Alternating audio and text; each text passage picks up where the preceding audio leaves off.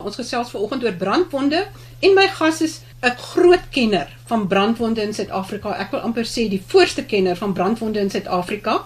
Hy is emeritus professor Heinz Rode en hy was ook hoof van uh, pediatriese chirurgie by Rooikruis Kinderhospitaal voor sy aftrede. Baie welkom professor Rode. Goeiemôre Marie. Uh, kom ons begin sommer by die begin en ek sal sê dit is sekerlik die vel as as die grootste orgaan wat deur brandwonde getref word. En dan kan jy miskien net verduidelik wat wat hoe werk die vel vinnig en wat gebeur as daar brandwonde is? Kyk die die vel is die eerste volledige orgaan wat gevorm word na konsepsie en dit is verskriklik belangrik vir die ehm um, voortbestaan van die persoon. Dit het um, baie baie belangrike funksies. Uh, dit uh, beskerm jou teen trauma, teen dehydrasie, dit behou jou teen te help met temperatuurregulering. Ehm um, dit help ook om met met dat uh, as jy sweet dan verloor jy natuurlik temperatuur, dit isoleer jou. Dit is baie belangrik so ver so ver as sensasie en pyn en en vibrasie en so aangaan. Dit is ook 'n baie belangrike metabooliese funksie waar Vitamiin D gevorm word en dan het dit ook uh, 'n baie belangrike funksie ten opsigte van kommunikasie, jou persoonlike kommunikasie, hoe jy met ander mense uh praat en hoe hulle jou sien, uh jou jou facial expression en en uh, as jy as jy natuurlik aangeraak word, uh, dan dan speel daardie kontak 'n baie belangrike rol in jou daglikse lewe. En wat gebeur dan as jy brand? En sê maar dit is nou partykeer is dit seker net 'n oppervlakkige brandwond en as jy die brand gaan dit dan deur daai vel laag. Kyk, as jy 'n uh, brandwond is uh, baie algemeen, uh, dit word gereken dat omtrent 3.2% van Suid-Afrikaners brand per jaar. Die meeste daarvan is baie oppervlakkige en klein brandwonde, maar omtrent uh, so 5% sal uiteindelik in die hospitale beland. Maar wat gebeur is jou uh, vel is baie weerstandig teen trauma, eksterne trauma, maar sodra die temperatuur vir 'n periode bokant 50 grade Celsius is, sal jy patologiese veranderinge in die vel kry. Aanvanklik kry jy net 'n lokale respons en dan natuurlik as die brandwond meer as omtrent 20-30% is van die liggaamsoppervlakte, dan gaan jy 'n baie erge sistemiese respons ook kry. So wat gebeur is ons kry 'n koagulatiewe nekrose as 'n mens byvoorbeeld net om jou voorbeeld te gee, as jy 'n eier eh, in 'n in 'n pan sit en jy hou hom dop, daardie wit is deurskynend en ewe skielik verander na wit. So 'n soliede wit massa. Dit is koagulatiewe nekrose en dis presies wat met jou vel gebeur. Dan hang dit natuurlik af van hoe erg daardie besering is. As al die elemente in die vel uh beseer word deur die brandwond met ander woorde vernietig word wat die die uh, die epitelialisasie van die vel kan herstel soos die die haarfollikels, die sweetkliere en so en as hulle almal verbrand is, sal jy nie 'n spontane genesing in die vel kry nie, maar as van daardie elemente wat hoofsaaklik in die boonste deel van die vel gelees as van hulle oorbly, dan kan jy sodra die die die die um, die dooie vel as gevolg van die brandwond afkom, dan is daar genoeg onderliggende weefsel om om die vel te rekonstrueer, so jy herepitaliseer weer, maar as dit dieper gaan deur die dermis dit is die laag wat die die die die die die, ehm, die sterkte aan die vel gee as dit deur dit gaan dan is dit natuurlik onomkeerbaar en dan moet mense veltransplantaat kry. En ehm um, is dit dan ook as mens kyk na die diepte van die brandwond, is dit een van die maniere hoe jy dit klassifiseer?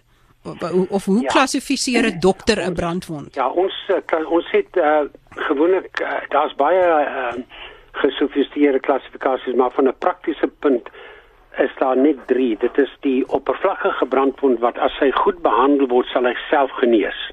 Ja. Maar hy moet behoorlik behandel word dan kry jy die voldikte brandwond waar die hele uh, die epidermis en die dermis van die vel en baie dikwels die onderliggende weefsel ook gebrand het onherroepelik gebrand is dit sal nie genees sonder 'n veltransplantasie dit word 'n diep brandwond genoem en dan tussenin is noem ons dit 'n intermediêre brandwond. In ander woorde, dit hang dan af hoe diep die brandwond is in die dermis of hy gaan spontaan genees of nie, maar dit is 'n baie moeilike een om te diagnoseer.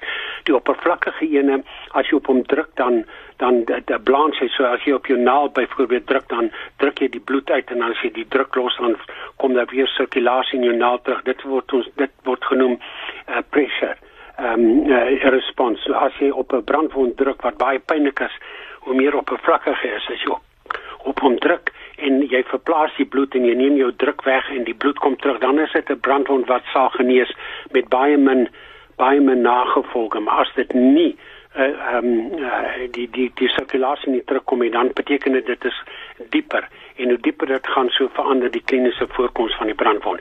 Dit is soms nie maklik om te bepaal hoe diep die brandwond is nie. En gewoonlik wat ons doen, ons wag omtrent so 10, 14 dae as daar enige uh, twyfel is hoe hoe dit die brandwond is.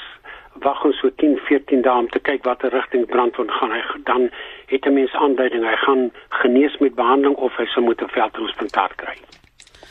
En dan uh, voordat ons nou by die behandeling kom, wil ek net gehoor het veroorsaak verskillende maniere van brand, byvoorbeeld 'n uh, elektriese brandword of 'n brandword met kookwater. En en al die verskillende maniere. En dan dink ek ook sommer aan sonbrand wat my weet buite in die son lê om te tan en dan kom jy een lyk die volgende volgende dag soos 'n kalkoen bloedrooi wat eintlik ook 'n brandwond is. Ja, maar daai is 'n baie oppervlakkige brandwond. As hy as hy hy gaan nie hy gaan nie uh, baie dieper as die oppervlakkige deel van die van die epidermis dermis nie. Dis 'n baie oppervlakkige wond. Jy sal ook sien na tyd dan skil vir jy af. so dit is 'n dit is 'n brandwond wat dan self genees en uh, wat geen skade onderliggend agterlaat nie maar 'n elektriese brandwond is baie baie gevaarlik want daar's gewoonlik 'n ingangspunt en 'n uitgangspunt. En tussenin loop die stroom in die diep weefsel en dit veroorsaak baie baie skade. As dit byvoorbeeld op jou linkerhand eh, die die kontakpunt is en op jou regterhand is die is die uitgangspunt dan het dit oor jou hart gegaan en oor jou oor jou spinale kolom en dit kan dan langtermyn gevolge hê. So dit hang af van wat die oorsaak van die brand is, wat die gevolge daar gaan gewees. Vuurbrand is gewoonlik 'n diep brand. Warmwaterbrande wat ons oorwegend in kinders sien is gewoonlik 'n 'n gedeeltelike dikte brandwond wat met goeie behandeling sal genees. Dan kry mens chemiese brandwonde, die is die is baie baie gevaarlik. Ehm um, Ehm um, want uh, jy kan nie eintlik bepaal aanvanklik hoe diep dit gaan wees nie. So ons is eintlik baie konservatief uh, ten opsigte van ons behandeling omdat ons onseker is oor die diepte. Die elektriese brandwond is is uh, net om terug te kom is baie baie ehm uh, um, gevaarlik want dit kan vir jou hartaritmie gee, dit kan jou frakture gee, dit kan vir jou katarakte veroorsaak, dit kan jou niere aan dit kan jou spiere vernietig en dan skei jy al hierdie afbraakmiddels die jou niere uit dan kan jou niere stop um, uh, om te funksioneer en dan die ander ding is omdat die elektriese stroom in die diepweefsel is kry ons die sogenaamde kompartementele sindroom waar die uh, die die spiere begin opswel en hulle later nekroties word as dan nie operatief ingegryp word nie. Sjoe, dit klink baie baie ernstig. Ja, en die ander ding met brand met elektriese brandwonde waarvoor ons nie baie sien in kinders nie, maar dit kom hoofsaaklik in die volwasse voor daar is al daar is die moontlikheid van langtermyn neuropsigiatriese uh, afwykings wat gesien word. Sjoe. Ek het gesien dat julle ook praat van drie belangrike zones van besering. Ja. Wat beteken dit? Dit beteken uh as jy na brandwond kyk, as hy as daar is uh dit hang van die diepte, die hierdie zones het te doen met die diepte. As dit byvoorbeeld 'n baie oppervlakkige brandwond is, dan noem ons dit die sone van hiperemie waar die bloedvate net uitgesit is, hy's bloedrooi en baie baie pynlik. Dan die volgende fase is die sone van nekrose, die sone van stase waar die bloedvoorsiening uh, deur die vate ingekort is. As jy goed na die brandwond kyk en goed behandel, dan sal daardie deel omkeer en, en kan kan herstel. En dan natuurlik die derde sone is die sone van nekrose waar daar voldikte uh uh die beskade plaasgevind het en uh, dit is on, onherroepelik beskadig en dit sal moet uit verwyder word deur 'n deur 'n operasie en 'n veldtransplantaat benodig word. Dan kom ons uit by die behandeling. Ehm um, daar's soos verskillende risikofaktore en goed, maar ek wil graag dit teen die einde noem wanneer ons kyk na voorkoming. Goed. Wat is die behandeling eh, volgens dan volgens die klassifikasie van die brandwond, die diepte, die volume van die area wat gedek is en so meer? Ja, die daar's daar's 'n paar dinge wat ons in ag neem. Af, uh, ek ek laat nou natuurlik die ander beserings uit. Ons praat nou net oor die brandwond wat die brandpasiënt kan opdoen want skiet daar baie van hulle kan betrek word in motorkarongelukke of uh, huisvuur of so. Maar die behandeling is uh, baie eenvoudig. Die oorspronklike die die die onmiddellike behandeling is natuurlik om die die oorsaak van die uh, van die brand te verwyder. Jy moet net baie versigtig wees. As 'n pasiënt aan 'n elektriese draad gekoppel of aan 'n elektriese draad gekoppel is, dan gaan die spiere in spasma. En as jy daai pro uh, pasiënt probeer loskry van die draad sonder uh, proteksie, dan sal jy self ook uh, elektriese skokke kry. So jy moet hom eers diskonnekteer van die elektriese kontak voordat jy enige verdere behandeling kan kan toepas. Maar in basiese terme uh jy verwyder die oorsaak so gou as moontlik en dan neem jy gewone kraanwater so teen 15 20 grade Celsius en plaas dit dan op die brandwond vir so 20 30 minute. Net besorg dat as die brandwond baie groot is, dan kan 'n mens natuurlik 'n afkoeling van die pasiënt veroorsaak, maar dit het 'n hierdie waterterapie het 'n ongelooflike invloed op die herstel van die vel en dit kan selfs toegepas word nog 3 uur nadat die uh, pasiënt die brandwond opgedoen het, het dit nog steeds 'n effek want dit keer daardie uh hitte golf wat deur die vel gaan met die met die uh, patologie wat daarmee gebonde is, dit keer dit om. So daar daar's geen twyfel dit kan, kan van baie waarde wees. Professor, mm -hmm. tog het ek jou onderbreek. Mm. Met ander woorde, as mens brand en jy het nou sê maar kookwater op jou hand gekry. Ja, 20 minute, 30 minute koue water, nie yswater nie koue water. Nie, nie met ander met ander woorde, as ek nie die koue water opsit nie, dan gaan die brand aan hy hou aan. Die brand gaan aan, die die veranderings kan aangaan nog tot 8 uur nadat die brand opgedoen is en die ander ding is die waarde van die koue water van die ek ek wil net weer herhaal is nie yswater nie. Dit maak baie groot skade. Gewone kraanwater, koue kraanwater wat 'n mens dan opsit as jy met 'n lap opsit of uh, of uh, gedurig net jou hand in koue water sit of waar jy ook al gebrand is net afkoel vir die hele tyd. Jy moet net besef dat die water wat jy op die liggaam sit word natuurlik vinnig warm so jy wil graag 'n lae temperatuur behou dit het nie net 'n enorme invloed op wat gebeur in die vel nie maar dit ook dit neem ook die pyn weg dit het 'n geweldige sterk antipyn effek hoekom moet mens nie yswater gebruik nie die die ys uh, dit trek die bloedvate toe en dan is die dan beïnvloed dit die sirkulasie na daai gebied waar jy graag uh nie die die uh, die bloedvoorsiening wil beperk nie. Nee, dis 'n baie is 'n baie leer. Ek weet mense sê sit ys op, maar dit het 'n baie erge dit het 'n baie nadelige effek op die uh, uitslag wat wat uh, wat wat gaan gebeur. En as as iemand in 'n vuur gebrand het, die huis het gebrand en ek het vlamme hier op my klere en oralste wat is dan jou eerste optrede? Daar is daar is ons hulle leer dit vir die kinders by die skole en ek dink uh, dit is 'n baie belangrike ding die voorkomende maatreëls is stop drop and roll.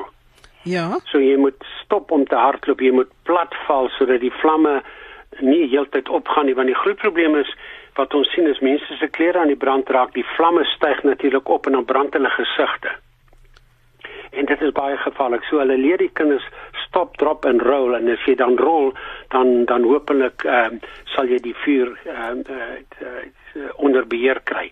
'n Brandwond, 'n vuurbrandwond is 'n gewone diep brandwond. Wat ons doen, ons koel hulle nog steeds af en dan gaan hulle hospitaal toe en dan word daar besluit wat daarmee gedoen word. Ek wil net vir sê as 'n brandwond opgedoen is en jy het hom nou afgekoel en jy gaan mediese of uh, verpleegkundige raad soek, bedek dit net met klingfilm. Uh, met klingfilm want dit hou dit skoon en dit uh, uh, daar is nie eksterne kombinasie nie of daar is 'n produk op die mark uh, uh, wat gemaak word van uh, Altiflora um, uh, tea tree oil. Dit word van tea tree oil gemaak as 'n mens dit opsit, dit absorbeer die pyn dit koel die wond af en dit het ook 'n anti-inflammatoriese effek op die op die wond. Dit maak die wond dan steriel sogenaamd.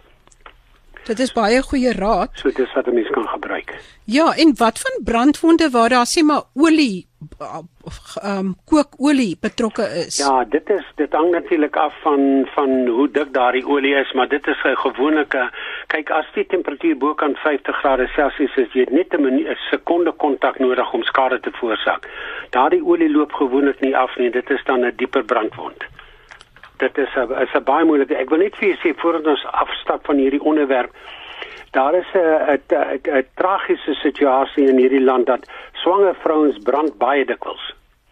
En ek ek dink dit is absoluut imperatief dat as 'n as 'n as 'n vrou in die vrugbare periode van haar lewe brand en sy kom by mediese versorging, moet 'n mens vra of of sy swanger is of nie, want as sy swanger is, dan is daar 'n tweede pasiënt en ongelukkig is die liggaam se reaksie so dat die die uterus waar die klein ontwikkelende babatjie nou is is nie 'n sanctuary site nie. In ander woorde as daardie vrou 'n uh, uh, uh, bloedversteuringsprobleme het, sal die bloed weggeneem word van die uterus om die da om die ma aan die aan die lewer te hou vir haar brein, haar lewer en al die in hart en al die ander belangrike organe. So die bloed word weggeneem van die baba en daardie baba is onder of die fetus is onder baie baie uh, moeilike situasie en baie dikwels uh, word die kinders dan gaan hulle dood in uterus of hulle word uh, vroegtydig gebore.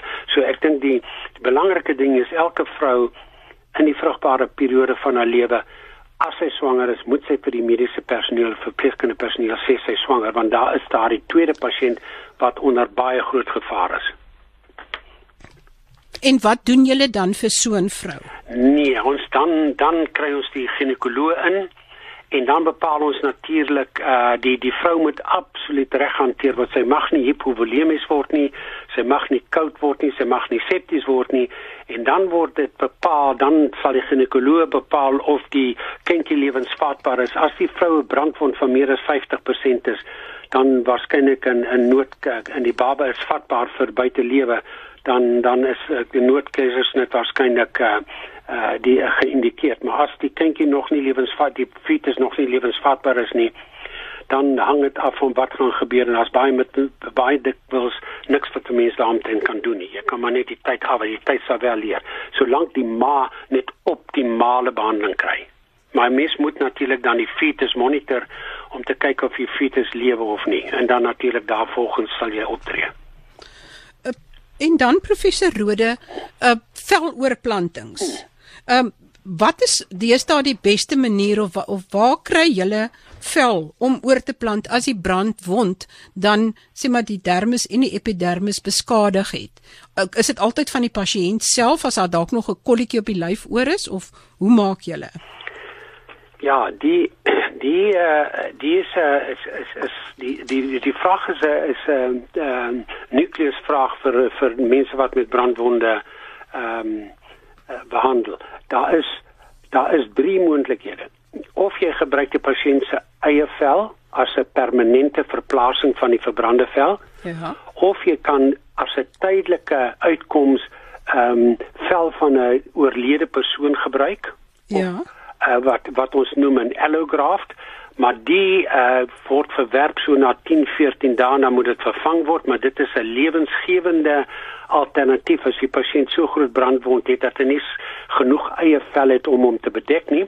En dan die derde moontlikheid is om 'n sintetiese vel te gebruik ook as 'n tydelike materiaal net om die wond in 'n neutrale staat te bou nadat hy geëksideer is en jy wag vir veltransplantate.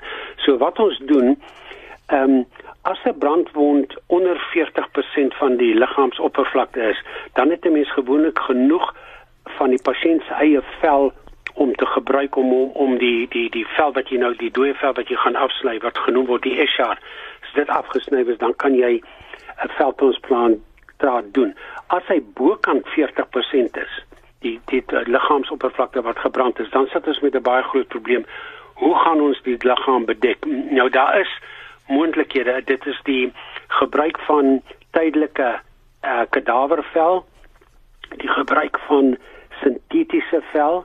Dan het ons ook 'n 'n proses ontwikkel waar ons die die vel vat en ons uh, uh, sny hom op in klein stukkies soos soos uh, soos uh, soos ehm um, um, seals en dan plaas ons dit op die liggaam dit word genoem micro ehm um, transplantation en dan is daar 'n 'n ander uh, moontlikheid uh, wat vir baie baie groot brandwonde gebruik het as 'n as 'n noodmaatreël en dit is gekultureerde epiteelselle en daar's 'n paar gevalle in Suid-Afrika waar dit in die verlede gebruik is maar dit word net gebruik vir baie baie groot gevalle as 'n as 'n as 'n as 'n um, finale uitkoms.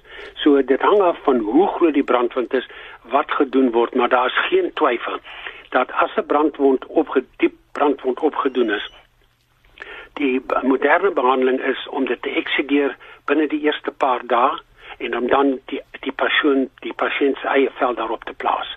Die gevolge daarvan is natuurlik ehm um, problematies want uh, geen brandwond miskien baie baie oppervlakkig soos 'n sonbrandwond sal nie uh, skade uh, of letsels nalat nie maar enige ander brandwond is natuurlik ehm um, uh dit dit sal 'n permanente litteken laat en ehm um, hoe groter die brandwond natuurlik en hoe dieper die brandwond hoe groter gaan hierdie nagevolge wees met uh scar formation en deformities en sulke goed.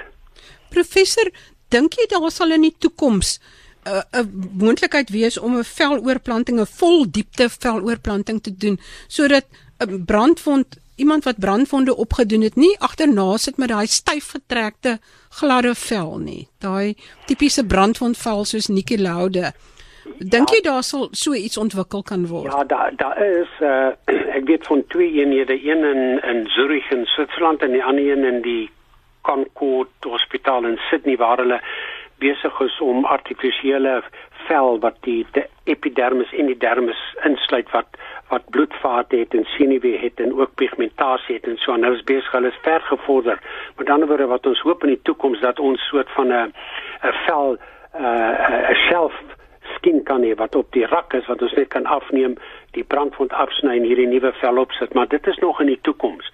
Wat ons nou begin doen het om om hierdie ehm um, uh kontrakture en hierdie lelike littekens wat hulle kry, ons begin 'n laser gebruik. Ons gebruik die laser stelsel het enorme enorme voordele vir die pasiënte. Jy kan dit binne 'n paar maande begin gebruik of selfs 10 jaar na die tyd.